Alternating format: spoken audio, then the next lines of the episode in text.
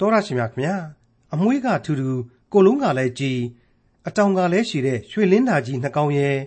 အနွယ်တွေကရှည်လျားပေမဲ့အပင်ကပုတဲ့စပြစ်ပင်ရဲ့မြေကောင်းသောလေခွက်ရဲ့အရှိလေရဲ့ဆိုတာတွေပါဝင်တယ်လို့ပုံပြင်တပုတ်လိုခိုင်းနှိုင်းထားတဲ့အကြောင်းအရာတွေကိုတွေ့ရမယ်ခရိယန်တမန်ကျမ်းရဲ့ဓမ္မောင်းကျမ်းပိုင်းတွေကယေဇကျေလအနာဂတိကျမ်းအခန်းကြီး7ခုကိုဒီကနေ့သင်သိရသောတမန်ကျမ်းအစီအစဉ်မှာလေ့လာမှာဖြစ်ပါတယ်။ အဲ့ဒီရွှေလင်းသားနှကောင်စပြည့်နွယ်ပင်မြေကောင်းတဲ့လေခွက်အရှိလေဆိုတာတွေကဘယ်အရာတွေကိုကိုစားပြုပါသလဲ။ငါထာဝရဘုရားသည်စကားတော်ရှိသည့်အတိုင်းပြုမည်လို့မိတ်ဆိုတော်မူတဲ့အတိုင်းပြုတော်မူတဲ့ဆိုတာတွေကိုဒီကဘာကြီးမှာရှိတဲ့ဒီလောကီလူပုံခန်းဝါမှာဘယ်လိုများတွေ့ရှိနိုင်ပါသလဲ။ဒီအကြောင်းချင်းရာတွေနဲ့အတူရေစကြည်လအနာဂတိကျမ်းအခန်းကြီး7ခုကိုဒေါက်တာထွန်းမြတ်ရေးကအခုလိုရှုမြင်တင်ပြထားပါတယ်။အ ဖဖျားသခင်ရဲ့ဘုန်းတော်ရောင်ဝါကိုဓမ္မသမိုင်းမှာအများဆုံးတွေ့ရပါတယ်လို့ဆိုရမယ်။ပရောဖက်ကြီးယေဇကျေလဟာဒီကနေ့ဖို့မှာတော့အလွန်ထူးခြားတဲ့ပုံပြောဆရာပရောဖက်ကြီးတာဝန်ကိုယူရတော့မှာဖြစ်ပါတယ်။ဟုတ်ပါတယ်။သူ့ရဲ့ပုံပြင်ကိုကျွန်တော်တို့နားထောင်ရတော့မယ်။သူဟာဘုန်းတော်ကိုမြင်တွေ့ခံစားရတယ်။ယူပါယုံအဖြစ်ကြီးမားတဲ့တာဝန်နဲ့စေစားခြင်းတွေကိုခံရတယ်။မာကျောကြစ်လစ်တဲ့ပရောဖက်နှလုံးသားကိုလည်းခံယူခဲ့ရတယ်ဆိုတာတွေ့ကိုကျွန်တော်တို့သိနာလေခဲ့ကြပြီးပါပြီနော်။ဒါရမက ဝိညာဉ်တော်ရဲ့ပို့ဆောင်ခြင်းအဖြစ်လေအမိနိုင်ငံကယေရုရှလင်မြို့တော်ကိုတောင်မှတစ်ခေါက်ပြန်ပြီးတော့ရောက်ရှိခဲ့ဘူးသေးတယ်။အဲ့ဒီမှာတောင်မှသူဟာတရားဟောခွင့်ရခဲ့သေးတယ်ဆိုတာကိုလေကျွန်တော်တို့အံ့ဩဖွယ်ကြားနာခဲ့ကြပါပြီ။မိတ်ဆွေအပေါင်းတို့ခမညာပရောဖက်ကြီးယေဇကျေလအကြမှာပဲထူးထူးချေရဘသူနဲ့မှမတူတရုတ်ပြအမွှန်းတင်တဲ့ဤတွေနဲ့ပရောဖက်ပြုပေးခဲ့ရတာဟာလေကျွန်တော်တို့ဖို့အလွန်ဆန်းသစ်တဲ့ဓမ္မယသကိုခန်းစားခဲ့ရစေခဲ့တယ်ဆိုတာကိုလေမိษွေတို့သိတဲ့အတိုင်းပဲဖြစ်ပါတယ် ဒါတွေကိုအခုလိုပြန်ပြီးတော့အစကောက်ပေးရတာကတော့တခြားမဟုတ်ပါဘူးအခုကျွန်တော်တို့ဆက်လက်လေ့လာသွားရမယ့်သင်ခန်းစာမှာရေစကြည်လတယောက်ဟာဖြင့်စကထာဖွက်ပြီးတော့ပုံပြင်ပြောရအောင်မဲ့ကိန်းဆိုင်နေပြီဖျားသခင်ဟာသူ့ကိုအပြောင်းလဲတစ်ခုနဲ့အမှုတော်ကိုဆောင်စီပြီဆိုတော့နောက်ထပ်သင်ခန်းစာရဲ့အကျိုးအဖြစ်ပြန်ပြီးတော့ကျွန်တော်တို့တင်ပြခြင်းလို့ဖြစ်ပါတယ်မိษွေတို့ကြိုးကြိုးတင်တင်သိစေခြင်းလို့ဖြစ်ပါတယ်ကဲယေစကြည်လအခန်းကြီး19 အငယ်1က9ဟာဘယ်လိုဖော်ပြလိုက်တယ်ဆိုတာကိုနားဆင်ကြည့်ကြပါတဖန်ထာဝရဘုရား၏နှုတ်ကပတ်တော်သည်ငါစီသို့ရောက်လာ၍အချင်းလူသားသင်သည်ဣသရေလအမျိုးအားဇကထာဖွဲ့၍ပုံပြောလျက်ထာဝရဘုရားမိန့်တော်မူသောစကားကိုဆင့်ဆိုရမည်မှာထူးခြားသောအစဉ်အယောင်များပြားသောအမွေးနှင့်ပြည့်စုံ၍ရှေလျားကြီးမားသောအတောင်ရှိသောရွှေလင်းတကြီးသည်လေဗနုန်တောင်သို့လာ၍အာရစ်ပင်၏အဖျားကိုကင်လျက်အမြင့်ဆုံးသောအညွန့်တို့ကိုချိုးဆိတ်၍ ကုံသွဲရာပြည်သို့ချီဆောင်ပြီးလျင်ကုံသေးမြို့၌စိုက်လေ၏မျိုးစေ့ကိုလည်းယူ၍ရေများရာလေခွက်၌ပြိုးလျက်မိုးမခပင်ကဲ့သို့ထားလေ၏စကတာဖွဲ့ရမယ်ပြီးတော့ပုံပြောပြီးတော့ဆင့်ဆိုရမယ်တဲ့ကျွန်တော်စိတ်ထဲမှာခံစားရတဲ့အတိုင်းပြောရမယ်ဆိုရင်တော့ရေစကြေးလာရဲ့တာဝန်မျိုးဟာအတော်စိတ်ပင်ပန်းစရာဖြစ်မှာအသေးချာဖြစ်ပါတယ် တစ်ချိန်တည်းမှာအဖဖျားသခင်ရဲ့ဗျာဒိတ်တော်တွေကိုစိတ်ပါဝင်စားတဲ့လူတွေအဖို့လေဒီဗျာဒိတ်တော်တို့အကြောင်းကိုကောင်းကောင်းနားလည်ခြင်းစိတ်ရှိရှိထားကြရမယ်ပရောဖက်ကြီးနာမှာကပ်ပြီးတော့စိတ်စိတ်ဆက်ဆက်မေးမြန်းရမယ်အနုလုံပရိလုံစဉ်းစားကြရလိမ့်မယ်လို့ကျွန်တော်တွေးမိပါတယ်အဲ့ဒီလိုဆင့်ဆိုရမှာကတော့တခြားမဟုတ်ပါဘူးတဲ့ထူးခြားသောအစဉ်အယောင်များပြားသောအမွေးအမြင်တွေနဲ့ပြည့်စုံပြီးတော့ရှေလျားကြီးမားသောအတောင်ရှိသောရွှေလင်းတကြီးဖြစ်ပါတယ်တဲ့ ရွှေလင်းတာဆိုတာကိုအင်္ဂလိပ်မူရင်းမှာ eagle လို့ဖော်ပြထားတဲ့ကြောင့်ရွှေလင်းယုံကြီးပဲဖြစ်ပါတယ်ဒီကနေ့ဒီကဘာမှာအဲ့ဒီငှက်ကြီးတွေမျိုးပြုတ်ကုန်မှဆိုလို့ငှက်ပါရကူတွေဟာငှက်မွေးမြူရေးအထူးစခန်းတွေဖွင့်ပြီးတော့မေထုံမဲ့သားဆက်နီးတွေသိပ်ပန်နီးကြမွေးမြူနီးတွေနဲ့လင်းယုံငှက်ကြီးတွေကိုပြည့်စုံစောင့်ရှောက်ပေးနေတယ်လို့သိရပါတယ်ကျွန်တော်ကိုယ်တိုင်လည်းဒီကိစ္စနဲ့ပတ်သက်ပြီးတော့လွန်ခဲ့တဲ့၄၅နှစ်လောက်ကပြင်ပမဂ္ဂဇင်းကြီးတစ်စောင်မှာမျော်လင့်ခြင်းနဲ့ငှက်လင်းယုံဆိုပြီးတော့ဆောင်းပါးရှိကြီးတစ်ပုဒ်ရေးခဲ့ပူပါသေးတယ် ဒါကတော့ဒီနေရာမှာဘ ഹു တုတရနိုင်ဖို့ရန်ဖြည့်ဆွက်ခြင်းပါအခုဒီမှာဖော်ပြလိုက်တဲ့ရွှေလင်းတာဆရာဟာတချိန်ကဣသရေလကိုအတောင်ပံအင်အားများနဲ့လမ်းပြစောင့်ထိန်တော်မူခဲ့တဲ့အဖဖျားသခင်ရဲ့တကူတော်ကိုပြန်ပြီးတော့အမှတ်ရစေပါတယ်ဒါပေမဲ့အခုဖော်ပြတဲ့အဖွဲအနှဲ့မှာပြင်စားမှုတွေပိုတယ်အစာသွတ်မှုတွေအလွန်များတယ်ဒီလိုအယောင်အမွေအရွယ်အစားကြီးတွေကိုဖော်ပြလိုက်ခြင်းအဖြစ်ရုပ်ပိုင်းဆိုင်ရာဂုံတတ္တိတွေဘက်ကို ဦးစားပေးဆက်နွယ်ဖော်ပြခြင်းဖြစ်တယ်လို့အတိတ်ပဲယူရမှာဖြစ်ပါတယ်ဒါကိုစစ်စစ်တွေးကြည့်လိုက်တဲ့အခါမှာဒီရွှေလင်းဒကြီးဟာဘာဘူးလုံရင်အင်အားရေဘာဘူးလုံအင်အားရဲ့ဗဟိုဖြစ်တဲ့ဘုရားသခင်အသုံးချပြီးကောင်းကြီးပေးထားတဲ့နေဘုခတ်နေစာအကြောင်းတို့ရဲကိုတင်စားဖော်ပြလိုက်ခြင်းဖြစ်တယ်လို့ကျွန်တော်တို့သင်သိရသောသမာကျမ်းကအတိတ်ပဲဖွင့်ဆိုခြင်းပါတယ်ဟုတ်ပါတယ်ယေရမိအနာဂတ်မှာတုန်းကလေးကဘာဘူးလုံနယ်ချက်ကြီးတွေကို ဘာဘူးလုံနယ်ချက်နိုင်ငံကြီးကိုအဲ့ဒီလိုပဲရွှေလင်းဒဆိုပြီးတော့ဖော်ပြတင်စားခဲ့ပါသေးတယ်ယေရမိအနာဂတ်ကျမ်းအခန်းကြီး48အငယ်40 41နဲ့အခန်းကြီး49အငယ်21 22တို့မှာအခုလိုကျွန်တော်တို့ပြန်ပြီးတော့တွေ့နိုင်ပါတယ်အခန်းကြီး48မှာကဒီလိုပါထာဝရဘုရားမိန့်တော်မူသည်ကားရန်သူသည်ရွှေလင်းဒပြန်တက်တဲ့ကဲ့သို့ပြန်လာ၍အတောင်တို့နှင့်မောဘပြည်ကိုအုပ်မိုးလိမ့်မည်မြို့တို့ကိုလှုပ်ကြံ၍ရဲရိုက်တို့ကိုတိုက်ယူသောကြောင့် ထိုနေ့၌မောဘအမျိုးသူရဲတို့စိတ်နှလုံးသည်သားဖွာခြင်းဝေဒနာကိုခံရသောမိမ၏စိတ်နှလုံးကဲ့သို့ဖြစ်ရလိမ့်မည်တဲ့49မှာကျတော့အခုလိုဖြစ်ပါတယ်တို့ဖြစ်၍ထာဝရဘုရားသည်အေဒုံပြည်တစ်ဖက်၌ကြံစီတော်မူသောအကြံတေမန်ပြည်သားတို့တစ်ဖက်၌ကြံစီတော်မူသောအကြံအစီတို့ကိုနားထောင်ကြလော့အကယ်စင်စစ်ရန်သူသည်အားမရှိသောထိုသိုးတို့ကိုလူရလိမ့်မည်အကယ်စင်စစ်သူတို့ရှိရာသို့လာ၍ကျက်စားရာအရက်တို့ကိုဖျက်ဆီးလိမ့်မည် သူတို့ပြိုလဲသောအဖန်ကြောင့်မြေကြီးလှုပ်ရှား၏သူတို့အော်ဟစ်သောအဖန်ကိုအေဒုံပင်လေတိုင်အောင်ကြားရကြ၏ရန်သူသည်တက်၍ရွှေလင်းတကဲ့သို့ပြန်လျက်ဘောဇရမြို့ကိုအတောင်တို့နှင့်ဖြန့်မိုးလိမ့်မည်ထိုနေ့၌အေဒုံပြည်သားသူရဲတို့၏စိတ်နှလုံးသည်သားဖွာခြင်းဝေဒနာကိုခံရသောမိမ၏စိတ်နှလုံးကဲ့သို့ဖြစ်လိမ့်မည်တဲ့အဲ့ဒီတိုင်းပါပဲမိတ်ဆွေဒံယေလအနာဂတိကျမ်းကိုကျွန်တော်တို့အခုတော့မရောက်သေးဘူးเนาะဒါပေမဲ့ရောက်လာလို့ရှိရင်အဲ့ဒီ အနာဂတိကျမ်းရဲ့အခန်းကြီး9အငယ်၄အရာဒံယေလဟာဘာဘူးလုံနိုင်ငံကိုရွှေလင်းဒရဲ့အတောင်ပံရှိတဲ့ရှင်သေကြီးနဲ့တူတယ်ဆိုပြီးတော့ယူပါယုံမြင်မဲ့ခဲ့တာကိုတင်ပြထားတာကိုတွေ့ရပါလေဦးမယ်အဲ့ဒီအေယာမရွှေလင်းဒသို့မဟုတ်နေချက်နိုင်ငံတော်ကြီးဘာဘူးလုံဟာနေပုတ်ခတ်နေစာဧကရကြီးဥဆောင်ပြီးတော့ဣသရေလကိုခြေမှုန်းမယ်ဣသရေလဘယင်နဲ့တကွလူမျိုးတော်မြောက်များစွာကိုဘာပုလုံနိုင်ငံကိုခေါ်ဆောင်သွားလိမ့်မယ်ဆိုတာကိုယေစကြည်လမှတဆင့်ဘုရားသခင်ဖော်ပြပေးထားပါတယ် အဲ့ဒီရွှေလင်းဒကြီးဟာလေဗနုန်တောင်ကိုလာပြီးတော့အာရစ်ပင်အဖျားကိုကိုင်းအမြင့်ဆုံးသောအညွန့်တို့ကိုချိုးဆိပ်၍ကုံသွဲရာပြည်သို့ချီဆောင်သွားမယ်အဆိုပါတိုင်းပြည်မှာအဲ့ဒီအညွန့်ကိုပြောင်းပြီးတော့စိုက်မယ်မျိုးစေ့တွေကိုလေသူတို့ဘာဘူးလုံကမ်းခြေဒေသကမိုးမခပင်တွေနဲ့ရောပြီးတော့စိုက်ပျိုးလိုက်မယ်တဲ့ယေစကြည်လအနာဂတိကျမ်းအခန်းကြီး19အငယ်6မှ8အရက်နှိမ့်လျက်ရှေလျားစွာသောຫນွယ်စပြစ်ຫນွယ်ပင်ပေါက်၍မိမိအခဲအလက်တို့ကိုရွှေလင်းဒရှိရာသို့ညှွတ်လျက် သူ့အောက်သို့အမြစ်ထိုးသဖြင့်အကိုင်းအခက်အလက်အညွန့်တို့နှင့်ပြည့်စုံသောစပြစ်နွယ်ပင်ဖြစ်လေ၏အမွေးထူထပ်၍ကြီးစွာသောအတောင်ရှိသောရွှေလင်းတကြီးတစ်ကောင်ရှိ၏စပြစ်ပင်သည်မိမိစိုက်ရာချောင်းမြောင်းနားမှာထိုရွှေလင်းတ၏ကျေးဇူးကြောင့်ရေကိုရအံ့သောငါသူရှိရာသို့အမြင့်သွယ်ဝိုက်၍အကိုင်းလဲထိုးလေ၏အခက်အလက်နှင့်ပြည့်စုံ၍အသီးကိုသီးသဖြင့်တံမြန်သောစပြစ်နွယ်ပင်ဖြစ်စီခြင်းငါရေများရှိရာအရက်မြေကောင်းသောလေခွက် ထိုအပင်ကိုစိုက်လေပြီမိတ်ဆွေအခုအပိုင်းမှာဖော်ပြတာဟာတကြော့ပြန်ပြီးတော့နားဆင်ကြည့်ပါနော်အရက်နှိမ့်လျက်ရှည်လျားစွာຫນွယ်သောစပြစ်ຫນွယ်ပင်ပေါက်၍တဲ့စပြစ်ຫນွယ်ပင်ပုပုကလေးတစ်ပင်ပေါ့အဲ့ဒါဟာလေဣသရေလလူမျိုးတော်အကြောင်းကိုပဲဂန္ဓတစ်ခုပိုင်းပြီးတော့ဖော်ပြထားခြင်းဖြစ်ပါတယ်အဲ့ဒီစပြစ်ຫນွယ်ပင်ဘူးလေးဟာနောက်ထပ်ရွှေလင်းဒတကောင်စီကိုတွားပြီးတော့အာကိုခိုးလုံတယ်အမြစ်ကသွယ်ဝိုက်ပြီးတော့အမြစ်တွေဟာသွယ်ဝိုက်ပြီးတော့ အဲ့ဒီလင်းဒကြီးဘက်ကိုအကိုင်းဟာလေအဲ့ဒီဘက်ကိုထိုးတယ်ဆိုတာကိုထူးထူးခြားဖော်ပြလိုက်ပါတယ်နောက်ထပ်ရွှေလင်းဒတကောင်ပေါ့အဲ့ဒီရွှေလင်းဒကတော့ဘာဘူးလို့မဟုတ်နိုင်တော့ပါဘူးအီဂျစ်လို့ခေါ်တဲ့အဲဂုတ်ထုနိုင်ငံပဲလို့ပြန်ဆိုပြရစီမိษွေတို့အနေနဲ့ပြီးခဲ့တဲ့ယေစကြည်လအနာဂတိကျမ်းအခန်းကြီး14တဲကသင်ခန်းစာတွေမှာဘာတွေဖော်ပြခဲ့တယ်ဆိုတာကိုမှတ်မိကြလိမ့်အောင်မယ်လို့ကျွန်တော်ထင်ပါတယ် နို့နှင့်ပြားရည်စီးသောမြေဆိုပြီးတော့ကောင်းကြီးမိုးသွန်းဖြိုးထားခဲ့တဲ့ဣသရေလအမိတွင်ရာခါနန်အရက်ဒေသမှာဒါဘေးတွေမွတ်သိချင်းဘေးတွေသားရဲတိရစ္ဆာန်တို့ရဲ့ဘေးတွေကာလနာဘေးတွေဖြစ်ရမယ်ဆိုတာကိုကျွန်တော်တို့တွေ့ခဲ့ရပါတယ်နော်အဲ့ဒီတော့ယုံကြည်ပါတယ်ဆိုတဲ့အဲ့လူမျိုးတော်ရဲ့ကောင်းကြီးမင်္ဂလာခံစားရမြေမှာအဲ့ဒီလိုဖုံးဆိုးမြည်ဖြစ်ရခြင်းအပြစ်ဒဏ်စီရင်ခြင်းခံရခြင်းဘုရားသခင်ကိုမကိုးကွယ်တဲ့အေဂုတ်ထုကတော့ကျေးဇူးတောင်ပြုနိုင်တဲ့အရက် ရေများရာအရက်မြေကောင်းသောအရက်ဣသရေလကလှမ်းပြီးတော့အာကိုခိုလှုံရတဲ့အရက်ဖြစ်နေပြီဆိုတာဟာရှင်းနေပြီမဟုတ်ဘူးလားဒီနေရာမှာဆာလံ109မှာဖော်ပြထားခဲ့တဲ့ဘုရားသခင်ရဲ့စီရင်တော်မူခြင်းအကြောင်းကိုချက်ချင်းပဲကျွန်တော်တွားပြီးတော့သတိရမိပါတယ်အဲ့ဒီ109ခုမြောက်သောဆာလံအငယ်33ကနေ35မှာအခုလိုကျွန်တော်တို့တွေ့နိုင်ပါတယ်ဒါဟာမိษွေတို့ကိုကျွန်တော်မကြာခဏတင်ပြတဲ့အပိုင်းဖြစ်ပါတယ်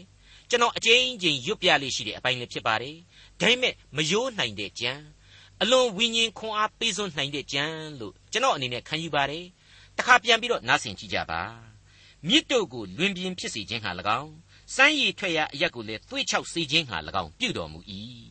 မြေကောင်းသောပြည်ကိုပြည်သူပြည်သားတို့၏အပြစ်ကြောင့်စားမည်ဖြစ်စေတော်မူ၏တဖန်လွင်ပြင်ကိုရေနှင့်ပြည့်စေခြင်းဟာ၎င်းသွေးချောက်သောအရက်ကိုလည်းစမ်းရည်ထွက်စေခြင်းဟာ၎င်းပြုတော်မူ၏ ထိုအရ၌လေငတ်မွတ်သောသူတို့ကိုနေရာချတော်မူ၍သူတို့သည်မိမိနေစရာဘို့မြို့ကိုတည်ကြ၏ကဲဖျားသခင်ရဲ့စီရင်တော်မူခြင်းဟာဘလောက်တကောဩဇာပြင်းထန်တယ်ဆိုတာတွေ့ပြီမဟုတ်ဘူးလားသက်ရှိလောကသက်မဲ့လောကနဲ့တကွစัจ java လာအနန္တကိုသူပိုင်နေ အဲ့ဒီဆာလံတီချင်းမှာပဲဏိကုံးကျုပ်အငယ်53ဟာတခါထပ်ပြီးတော့အဲ့ဒီလိုစီရင်တော်မူခြင်းတွေအပြင်ဘုရားသခင်ရဲ့ကျေးဇူးဂရုဏာတော်ကိုပို့ပြီးတော့နားလည်နိုင်အောင်တွင်တင်ခဲ့တယ်ဆိုတာကိုလည်းသတိပေးလိုက်ပါတယ်အကျဉ်သူသည်ပညာရှိထိုသူသည်ဤအမှုအရာတို့ကိုဆင်ခြင်၍ထာဝရဘုရား၏ဂရုဏာကျေးဇူးတော်ကိုနားလည်လိမ့်မည်တဲ့မိတ်ဆွေဘယ်လိုပဲအားကိုးစရာရှိလို့လူအချင်းချင်းအားကိုးနေနေ ထာဝရဘုရားသခင်ရဲ့တရားစီရင်တော်မူခြင်းဟာမလွဲဧကန်အမှန်ဖြစ်လိမ့်မယ်အဲဂုတ်ထုကိုအားကိုးမိတဲ့ဣသရေလကိုစောက်တီးရမရအောင်ဖြစ်စီမှာအသေးချာပဲဖြစ်တဲ့အကြောင်းကိုယေဇကျေလအနာဂတိဟာအခုလိုဆက်လက်ဖော်ပြပြန်ပါတယ်ယေဇကျေလအနာဂတိကျမ်းအခန်းကြီး18အငယ်9နဲ့10တို့ဖြစ်၍အရှင်ထာဝရဘုရား၏အမိန့်တော်ကိုဆင့်ဆိုရမည်မှာထိုအပင်သည်ကောင်းစားရမည်လောညှိုးနွမ်းစေခြင်းကအမြစ်ကိုနှုတ်၍အသီးကိုဆွရမည်မဟုတ်လော ပေါက်လေသမျှသောအရွက်တို့သည်ညှိုးနွမ်းရကြလိမ့်မည်အမြင့်နှင့်တကွသုတ်သင်ပယ်ရှင်းခြင်းအမှုကိုပြီးစေခြင်းဟာကြီးသောတကူများပြားသောအလုံးအရင်ကိုအလိုမရှိစိုက်လျက်ရှိ၍ကောင်းစားရမည်လောအရှိလေတိုက်သောအခါအကုန်အစင်ညှိုးနွမ်းရမည်မဟုတ်လောကြီးပွားသောလေခွက်၌ညှိုးနွမ်းရလိမ့်မည်ဟုမိန့်တော်မူ၏မိတ်ဆွေအပေါင်းတို့အဲဂုတ်ထုကိုတွားပြီးတော့အားကိုးတဲ့ဣသရေလ သူတို့အားကိုးရလေခွက်မှားပင်ပျက်စီးရမယ်ဘုရားသခင်ရဲ့စီရင်တော်မူခြင်းကမနေဘူးအဲ့ဒီအထိလိုက်မယ်ဆိုတာကိုဖော်ပြလိုက်ပါလေစိုက်လျက်ရှိ၍ကောင်းစားရမည်လောအရှိလေတိုက်သောအခါအကုန်အစင်ညှိုးနွမ်းရမည်မဟုတ်လောတဲ့တခါပြီးတော့မှလေခွက်၌ညှိုးနွမ်းရလိမ့်မည်ဟုမိန့်တော်မူ၏တဲ့မိတ်ဆွေအပေါင်းတို့ဓမ္မသမိုင်းရဲ့ဖော်ပြချက်တွေယေရမိအနာဂတ်တွင်ကမှတ်တမ်းမှတ်ရာတွေအရာဘာဘူးလုံရဲ့ကျွန်လုံးလုံးဖြစ်တဲ့အချိန် အမိဣသရေလမြေပေါ်မှာကြံခဲ့တဲ့လူတွေဟာအဲဂုတ်ထုကိုပြေးပြီးတော့အားကိုးခဲ့ကြတယ်ဆိုတာတွေ့ရပါတယ်ထွက်ပြေးတင်းရှောင်မှုတွေရှိခဲ့ကြတယ်ဆိုတာကိုလည်းတွေ့ရပါတယ်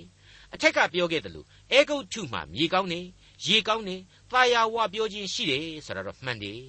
ဒါပေမဲ့ဒါရီယာအဖဖျားသခင်ကဖြစ်စီဆိုလို့သာဖြစ်နေတာ ड़ी ကောင်းစီဆိုလို့သာကောင်းနေရတာ ड़ी ဝပြောစီဆိုလို့သာဝပြောနေရတာ ड़ी ပြည့်စေဆိုပြန်တော့လေပြည့်ရစမြဲတာဖြစ်တယ်ဆိုတဲ့သဘောကိုသိသာထင်ရှားစေပါတယ်အရှိလေနဲ့တူတဲ့ဘာပုလုံတွေလက်အောက်မှာဘယ်နည်းနဲ့မှဣသရေလရဲ့အေဂုတ်ထုရဲ့ဟာကြာကြာမခံနိုင်ဘူးဆိုတာကိုဒီကျမ်းအားဖြင့်ဘုရားသခင်ဟာရှင်းနေအောင်အနာဂတ်ပြုထားပါတယ်အခုဆိုရင်ယေစကျေလအားဖြင့်ဣသရေလကိုသူသွားအားကိုးတဲ့အေဂုတ်ထုကိုတနွေငင်ဒဇင်ပါအကုန်ဒုက္ခရောက်ရတော့မယ်သူတို့နှစ်နိုင်ငံစလုံးအတွက်ခြုံငုံတဲ့ဗျာဒိတ်အဖြစ်နားမသက်သားစရာတွေကိုကြားနေရပြီ အရှိလေတိုက်ပြီးတော့အကုန်အစင်ညှိုးနှွမ်းရမယ်တဲ့ဟုတ်ပါတယ်ဘာဘူးလုံဆိုတာဟာမျက်မှောက်ခေအီရတ်နိုင်ငံတောင်ပိုင်းဣသရေလရောအေဂုတ်ထုရောရဲ့အရှိစူးစူးမှာရှိတဲ့နိုင်ငံအဲ့ဒီဘာဘူးလုံတက်ပြီးခြီလာတဲ့အချိန်ဣသရေလနဲ့အေဂုတ်ထုဟာကြီးပွားသောလေခွက်မှညှိုးနှွမ်းရသောအပင်များပမာဖြစ်ရတော့မယ်တဲ့ယေဇေလအနာဂတိကျမ်းအခန်းကြီး19အငယ်17မှ16 တဖန်ထာဝရဘုရား၏နှုတ်ကပတ်တော်သည်ငါစီသို့ရောက်လာ၍ပုန်ကန်တတ်သောအမျိုးအားသင်ပြောရမည်မှာဤစကားအဘယ်သို့ဆိုလိုသည်ကိုနားလည်ကြသလောဘာဘူးလုံရှင်ဘရင်သည်ယေရုရှလင်မြို့သို့ရောက်၍ယေရုရှလင်ရှင်ဘရင်နှင့်မူးတော်မတ်တော်တို့ကိုဘာဘူးလုံမြို့သို့သိမ်းသွားပြီဆွေတော်မျိုးတော်တဲကတယောက်ကိုယူ၍ဗြိညင်ဖွဲ့လျက်တစ္ဆာတိုက်လေပြီထိုနိုင်ငံသည်ယုံညံ့၍နောက်တဖန်မထမကြွပဲတစ္ဆာတော်ကိုစောင့်သောအားဖြင့်သာတည်စေခြင်းဟာ အားကြီးသောနိုင်ငံသားတို့ကိုလည်းသိမ့်သွားပြီတို့ရာတွင်မြင်းများလူများတို့ကိုတောင်းပန်ခြင်းဟာတန်တမန်ကိုအေဂုတ်ထုပြည်သို့ဆေလွတ်၍ပုန်ကန်လေပြီထို့သောပြည်သောသူသည်ကောင်းစားရမည်လောဘေးလွတ်ရမည်လောသစ္စာဖြတ်ပြီးမှလွတ်ရမည်လောအရှင်ထာဝရဘုရားမိန့်တော်မူသည်ကားငါအသက်ရှင်သည့်အတိုင်းအကယ်စင်စစ်ရှင်ဘရင်အရာ၌ခံထားသောရှင်ဘရင်ဤသစ္စာကိုမယုံမသိပြု၍ ပရိညင်ကိုဖျက်သောကြောင့်ထိုရှင်ဘရင်နေရာဘာဘူးလုံမြို့အလေ၌သေရလိမ့်မည်မိတ်ဆွေအပေါင်းတို့ခမညာ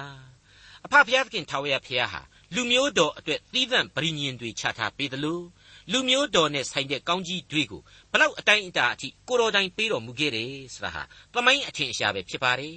နှုတ်ကပတ်တော်တခြားလုံးမှာထေရှားပြတ်သားစွာတွေ့ကြရပြီဖြစ်ပါတယ်အခုကျမ်းပိုင်းမှာထူးခြားနေတာကတော့သူတော်ကောက်ပါတယ် သူရွေးချယ်တင်မြှောက်ထားပါတယ်သူချီးမြှင့်မြှောက်စားထားပါတယ်ဆိုတဲ့လူမျိုးတော်အပေါ်မှာမျက်နှာလိုက်ချင်းရလို့အရှင်းမရှိအပြစ်ကိုအပြစ်အလျောက်ဆက်ပေးတယ်ဆက်ပေးစီရင်ရာအပြစ်ဒဏ်တို့ကိုလေသူစီသူစီရင်ချက်မို့လို့ငြိမ်သက်စွာနာခံစေခြင်း ਨੇ စီရင်သည့်အတိုင်းနားမခံခြင်းသည်ပင်လျှင်နာမခံခြင်းသည်ပင်လျှင်နောက်ထပ်အပိုဆောင်းသောကြောင့်အပြစ်ဖြစ်ရပြန်တယ်ဆိုတဲ့အချက်တို့ကိုဒီအပိုင်းမှာရှင်းလင်းပြသစွာဖော်ပြခြင်းကိုကျွန်တော်တို့တွေ့ရပါတယ်အခုအပိုင်းမှာ ဘာဘူးလုံကိုဣသရေလအပေါ်မှာအောက်နိုင်ခွင့်ကိုပေးထားတယ်ဘာဘူးလုံရှင်ဘရင်ဟာလေဘုရားသခင်ခန့်အပ်ထားသောဘရင်သစ်ဖြစ်လာရတယ်ဆိုတာဒီကိုဖော်ပြထားပြီးတဲ့နောက်ဣသရေလဟာဘာဘူးလုံဘရင်ရဲ့ဩဇာအာဏာဘာဘူးလုံဘရင်ရဲ့သစ္စာကိုစောင့်သိယူသိကြရမယ်မစောင့်သိမယူသေးတဲ့အတွက်ဣသရေလသမိုင်းရဲ့နောက်ဆုံးသောဘုရင်ဖြစ်တဲ့ဇေဒကိနဲ့တကွမင်းသားတွေမူးမတ်တွေဟာဘာဘူးလုံရှင်ဘုရင်ရှေ့မှာအသေးခံရမယ်ဆိုတာတွေ့ကိုပြင်းထန်စွာသတိပေးလိုက်ပါတယ် မှန်ပါတယ်မိတ်ဆွေလောကကြီးမှာဖြစ်ပြနေတဲ့သမိုင်းအလှည့်အပြောင်းတွေဟာဘုရားသခင်ရဲ့စီရင်ခြင်းများသာဖြစ်ပါတယ်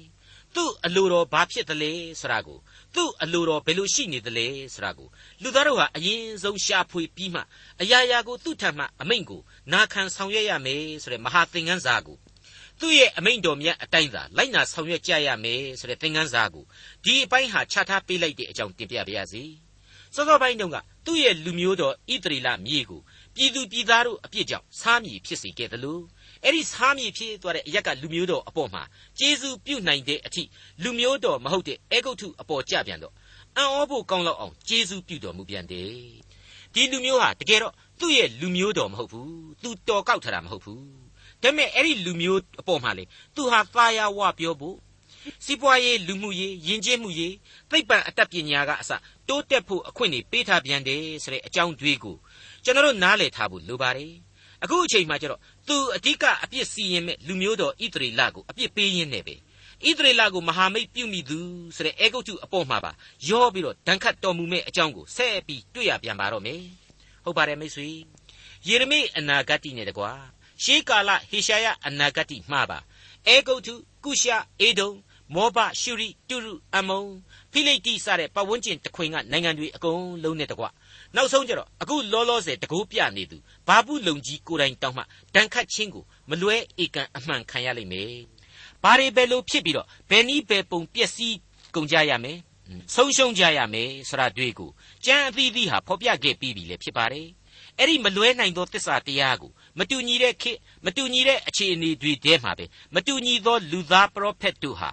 အရှင်ခြားနာသည်မရှိတသွေးတဲ့တဖန်တဲ့ဖော်ပြပေးနိုင်ခဲ့တာဟာနှုတ်ကပတ်တော်ဤအသက်ရှင်ခြင်းအကြောင်းကြောင့်ပဲဆိုတာကိုမိษွေတို့နားလည်ထားဖို့လိုပါတယ်ယေစီလအနာဂတိကျမ်းအခန်းကြီး16အငယ်16မှ21ကိုဆက်ကြပါအောင်စို့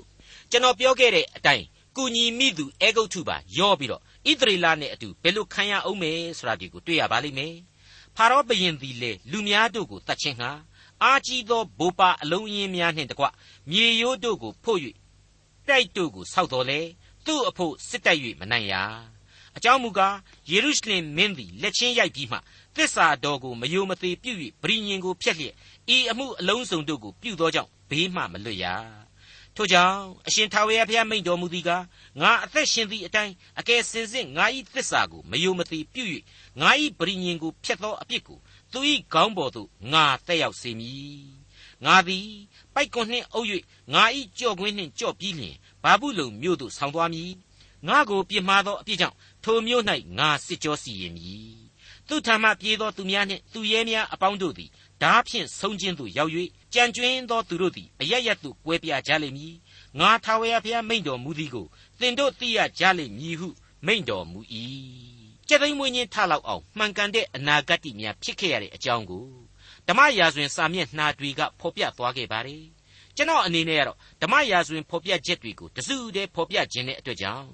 ယေရမိအနာဂတ်မှတ်တမ်းတဲကကပီးများကိုပဲယူပြီးတော့ဣသရေလနောက်ဆုံးဘယင်မင်းဆက်နဲ့တိုင်းပြည်အုပ်ဆောင်အဖွဲ့ကြီးတစ်ခုလုံးဒုက္ခရောက်ခဲ့ရတာကိုပထမအပိုင်းအနေနဲ့ပြန်လည်တင်ပြခွင့်ပြုပါယေရမိအနာဂတိကျမ်းအခန်းကြီး52အငယ်၄မှ7ကိုအရင်စပြီးတော့နားဆင်ကြည့်ကြပါဇေဒကိမင်းနန်းဆန်9နှစ်ဒသမလ10ရက်နေ့တွင် ဘာဘူးလုံရှင်ဘရင်နေပုခတ်နေစားသည်ဘိုးကြီးအပေါင်းတို့နှင့်တကွယေရုရှလင်မြို့သို့စစ်ချီသဖြင့်မြို့ပတ်လည်၌တက်ချ၍မြေကရုတ်တို့ကိုတူးလုပ်ပြီးမှဇေဒကိမင်းနန်းဆန်17နှစ်တိုင်အောင်မြို့ကိုဝိုင်းထားလေ၏ထိုနှစ်သရုတ်ထလ9ရက်နေ့တွင်မြို့ထဲမှအလွန်အစာအာဟာရခေါင်းပါသဖြင့်မြို့သူမြို့သားတို့သည်စားเสียမရှိသောအခါခါလဒဲလူတို့သည်မြို့ရိုးကိုဖြိုဖောက်၍မြို့ကိုလည်းဝိုင်းနေသောကြောင့်မြို့သားစစ်သူရဲ့အပေါင်းတို့သည်ညအခါပြေး၍မြို့ရိုးနှစ်ထပ်ဆက်ကြား ဥယျင်ဒေါ်နာတကဝဖြင့်ထွက်ပြီးမှလွင်ပြင်သို့သွားကြ၏ခါလဒဲစစ်သူရဲတို့သည်ရှင်ဘရင်ဇေဒကိကိုလိုက်၍ယေရိခေါလွင်ပြင်၌မှီသဖြင့်ဇေဒကိမင်း၏စစ်သူရဲအပေါင်းတို့သည်လွင့်ပြေးကြ၏ရန်သူတို့သည်လည်းရှင်ဘရင်ကိုဖမ်းဆီး၍ဘာဘူးလုံရှင်ဘရင်ရှိရာဟာမတ်ပြည်ရိဗလမြို့သို့ဆောင်သွားကြ၏ဘာဘူးလုံရှင်ဘရင်သည်ဇေဒကိအမှုကိုစစ်ကြောစီရင်၍ဇေဒကိမင်း၏သားတို့ကိုအဖမျက်မှောက်၌သတ်လေ၏ ရိဗလာမြို့မှာယူဒမူမတ်တို့ကိုလည်းသတ်လေ၏ဇေဒကိမျက်စိကိုလည်းဖောက်ပြီးမှသူ့ကိုကြေးဝါကြိုးနှင့်ချီနှောင်၍ဘာဘူးလုံမြို့သို့ယူသွားသဖြင့်သေသည်တိုင်အောင်ထောင်ထဲမှလှောင်ထားလေ၏မိတ်ဆွေအပေါင်းတို့ခမညာဣသရေလအပေါင်းတို့ဟာဇေဒကိမရှိတဲ့နောက်ပိုင်းမှာဘာဘူးလုံကိုဆက်လက်တော်လှန်ပြီးတော့အဲဂုတ်ထုကိုထွက်ပြေးခဲ့ကြတော့ပရောဖက်ယေရမိဟာလေအဲ့ဒီအုပ်စုနဲ့ကန့်လန့်ကန့်လန့်ပါသွားခဲ့ရတယ်ဆိုတာကိုကျွန်တော်တို့သမိုင်းမှာတွေ့ကြရပါတယ် အဲ့ဒီလိုအေဂုတ်ထုရောက်ယေရမိစီကပေါ်ထွက်ခဲ့တဲ့ဘုရားသခင်ဗျာဒိတ်တော်ဟာလေအေဂုတ်ထုရဲ့ဒဏ်ခတ်ခံရခြင်းအကြောင်းကိုသိသာစွာဖော်ပြပေးနေပါတယ်အဲ့ဒါကြောင့်မို့ဒုတိယအပိုင်းကလေးအဖြစ်ယေရမိအနာဂတိကျမ်းအခန်းကြီး44အငယ်26မှ44အတွင်းကိုဆက်လက်တင်ပြခွင့်ပြုပါသိခံကြပါအငယ်26မှ30အတွင်းကိုဆက်လက်တင်ပြခွင့်ပြုပါအေဂုတ်ထုပြည်၌နေသောယူရလူအပေါင်းတို့ထာဝရဘုရား၏အမိန့်တော်ကိုနားထောင်ကြလော့ ထာဝရဘုရားမိန့်တော်မူသည်ကအရှင်ထာဝရဘုရားအသက်ရှင်တော်မူသည်ဟု၍အေဂုတ်ထုပြည်တလျှောက်လုံးတွင်ယူဒလူတယောက်မျှငါ၏နာမကိုမမွဲ့မဆိုရမည်အကြောင်းငါသည်ကိုမဟာနာမကိုတိုင်တည်၍ကြိတ်ဆို၏သူတို့ကိုကျေးဇူးပြုခြင်းငါမဟုတ်အပြစ်ပြုခြင်းငါငါစောင့်သည်ဖြစ်၍အေဂုတ်ထုပြည်၌ရှိသောယူဒလူအပေါင်းတို့သည်ဆုံးရှုံးခြင်းသို့မရောက်မီတိုင်အောင်ဒါဘေမွတ်သိပ်ခြင်းဘေးနှင့်ပျက်စီးကြလိမ့်မည်တို့ရာတွင်ဒါဘေးနှင့်လွတ်၍ အေဂုတ်ထုပြည်မှယူဒပြည်သို့ပြန်ရသောသူတို့သည်နေကြလိမ့်မည်ငါစကားတီးမီသူတို့စကားတီးမီကိုအေဂုတ်ထုပြည်၌တဲခိုခြင်းဟာတွားသောယူဒလူအကြံအကျွင်းတို့သည်သိကြလိမ့်မည်ဤအရ၌သင်တို့ကိုငါဆုံးမ၍သင်တို့၌အပြစ်ရောက်စေခြင်းဟာငါစကားသည်ဆက်ဆက်တီလိမ့်မည်ဟုသင်တို့သိမည်အကြောင်းငါပေးသောနမိတ်လက္ခဏာဟုမူကားယူဒရှင်ဘရင်ဇေတကိမင်း၏အသက်၏ရန်သူဒီဟုသောဘာဘူးလုံ ရှင်ဘရင်နေပုခတ်နေဇာမင်း၏လက်သို့ဇေဒကိမင်းကိုငါအပ်သည်နိတုအေဂုထုရှင်ဘရင်ဖာရောဟောဖရာအသက်ကိုရှာသောရန်သူလက်သို့ထိုမင်းကိုငါအပ်သည်ဟုထာဝရဘုရားမိန့်တော်မူ၏တဲ့မိတ်ဆွေအပေါင်းတို့ဒီအချက်တွေဟာအကုန်တစ္ဆာတရားတွေကြီးပဲကမ္ဘာသမိုင်းစာမျက်နှာတွေမှာဒီဖြစ်ရမှန်တွေဟာတစ္ဆာတရားများဖြစ်ခဲ့တယ်တစ္ဆာစကားများတို့အကုန်ပြည့်စုံခဲ့တယ်ဆိုတဲ့အကြောင်းတွေကို သမိုင်းစာမျက်နှာများဟာတက်သေးပြလျက်ရှိနေပါတယ်ယေဇကျေလအနာဂတိကျမ်းအခန်းကြီး19အငယ်22မှ24တပန်အရှင်ထာဝရဘုရားမိန့်တော်မူသည်ကားမြင့်သောအာရစ်ပင်၌အမြင့်ဆုံးသောအညွန့်ကိုငါယူ၍စိုက်မည်အညွန့်ပြားတို့တွင်နှုသောအညွန့်ကိုဆိတ်၍မြင့်မြတ်သောတောင်ပေါ်မှငါစိုက်ပျိုးမည်အမြင့်ဆုံးသောဣသရေလတောင်ပေါ်မှငါစိုက်ပျိုးပြီးမှအခက်အလက်နှင့်ပြည့်စုံ၍အသီးကိုသီးသဖြင့်ကောင်းမွန်သောစပြည့်နွယ်ပင်ဖြစ်လိမ့်မည် ထိုအပင်အောက်၌၎င်းအခက်အလက်အရိပ်၌၎င်းငှက်မျိုးအပေါင်းတို့သည်နေရာကျကြလိမ့်မည်ငါထာဝရဘုရားသည်မြင့်သောအပင်ကိုနှိမ့်၍နှိမ့်သောအပင်ကိုချီးမြှောက်ကြောင်းစိမ့်လန်းသောအပင်ကိုသွေးချောက်စေ၍သွေးချောက်သောအပင်ကိုစိမ့်လန်းစေကြောင်းများကိုတောသစ်ပင်ရှိသမျှတို့သည်သိရကြလိမ့်မည်ငါထာဝရဘုရားသည်စကားတော်ရှိသည့်အတိုင်းပြုမည်ဟုမိန့်တော်မူ၏စကားတော်ရှိသည့်အတိုင်းပြုမည်ဆိုတဲ့တရားဟာ နှုတ်ကပတ်တရားနဲ့အညီအစဉ်ဖြစ်ပြပြုပြင်နေတဲ့လူသမိုင်းအားဖြင့်ရှင်းနေအောင်မှန်ကန်တိကျစွာပြည့်စုံနေသောစကားပဲလို့ဆိုခြင်းပါတယ်မငင်းနိုင်သောတရားပဲလို့ဆိုခြင်းပါတယ်အဲ့ဒီမငင်းနိုင်သောစီရင်တော်မူချက်များကိုသူပြုနိုင်တာဟာလည်းမဆန်းပါဘူးသူဟာဒီစัจ java လာအနန္တကိုပိုင်ဖအုပ်စိုးသူမဟုတ်ဘူးလားကျွန်တော်လူသားတွေကိုမြေမှုန့်ကနေဖန်ဆင်းတယ်ပြီးတဲ့နောက်အသက်ဝိညာဉ်ကိုသူမှုတ်သွင်းပေးခဲ့တယ်မဟုတ်ဘူးလား ဒဒီသက်ရှိလူသားတွေအတွက်ပဲဒီဩကာသလောကကိုအုပ်ဆိုးစေဆိုပြီးတော့သူဟာကောင်းကြီးတွေအမျိုးမျိုးကိုပေးသနာထားခဲ့ခြင်းပဲဖြစ်ပါတယ်အဲ့တော့သူပိုင်တဲ့မြေလောကမှာသူ့လက်ခုပ်ထဲကတတ္တဝါများသာဖြစ်တဲ့ကျွန်တော်ကျွန်တော်မတို့အဖို့အမြဲခံယူတိုက်တဲ့အချက်ကိုဒါဝိဒ်ဟာ24ခုမြောက်သောဆာလံမှာအခုလိုဖော်ပြထားပါတယ်စိစိနားဆင်၍ခွန်အားယူကြည့်ကြပါကျေးဇူးတော်ကိုချီးမွမ်းလျက်အသက်တာကိုပြုပြင်ပြောင်းလဲကြပါထာဝရဘုရားသည် မြေကြီးနှင့်မြေကြီးတစားကို၎င်းလောကရနှင့်လောကသားတို့ကို၎င်းပိုင်တော်မူ၏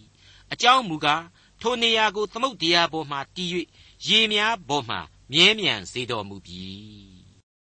ဒေါက်တာထွန်းမြတ်ရေးစီစဉ်တင်ဆက်တဲ့တင်ပြရတော်တမချန်းအစီအစဉ်ဖြစ်ပါတယ်နောက်တစ်ချိန်အစီအစဉ်မှာခရိယန်တမချန်းရဲ့ဓမ္မဟောင်းကျမ်းပိုင်းတွေကရေစကြည်လအနာဂတိကျမ်းအခန်းကြီး16နဲ့အခန်းကြီး19တို့ကိုလေ့လာမှဖြစ်တဲ့အတွက်စောင့်မျှော်နားဆင်နိုင်ပါတယ်။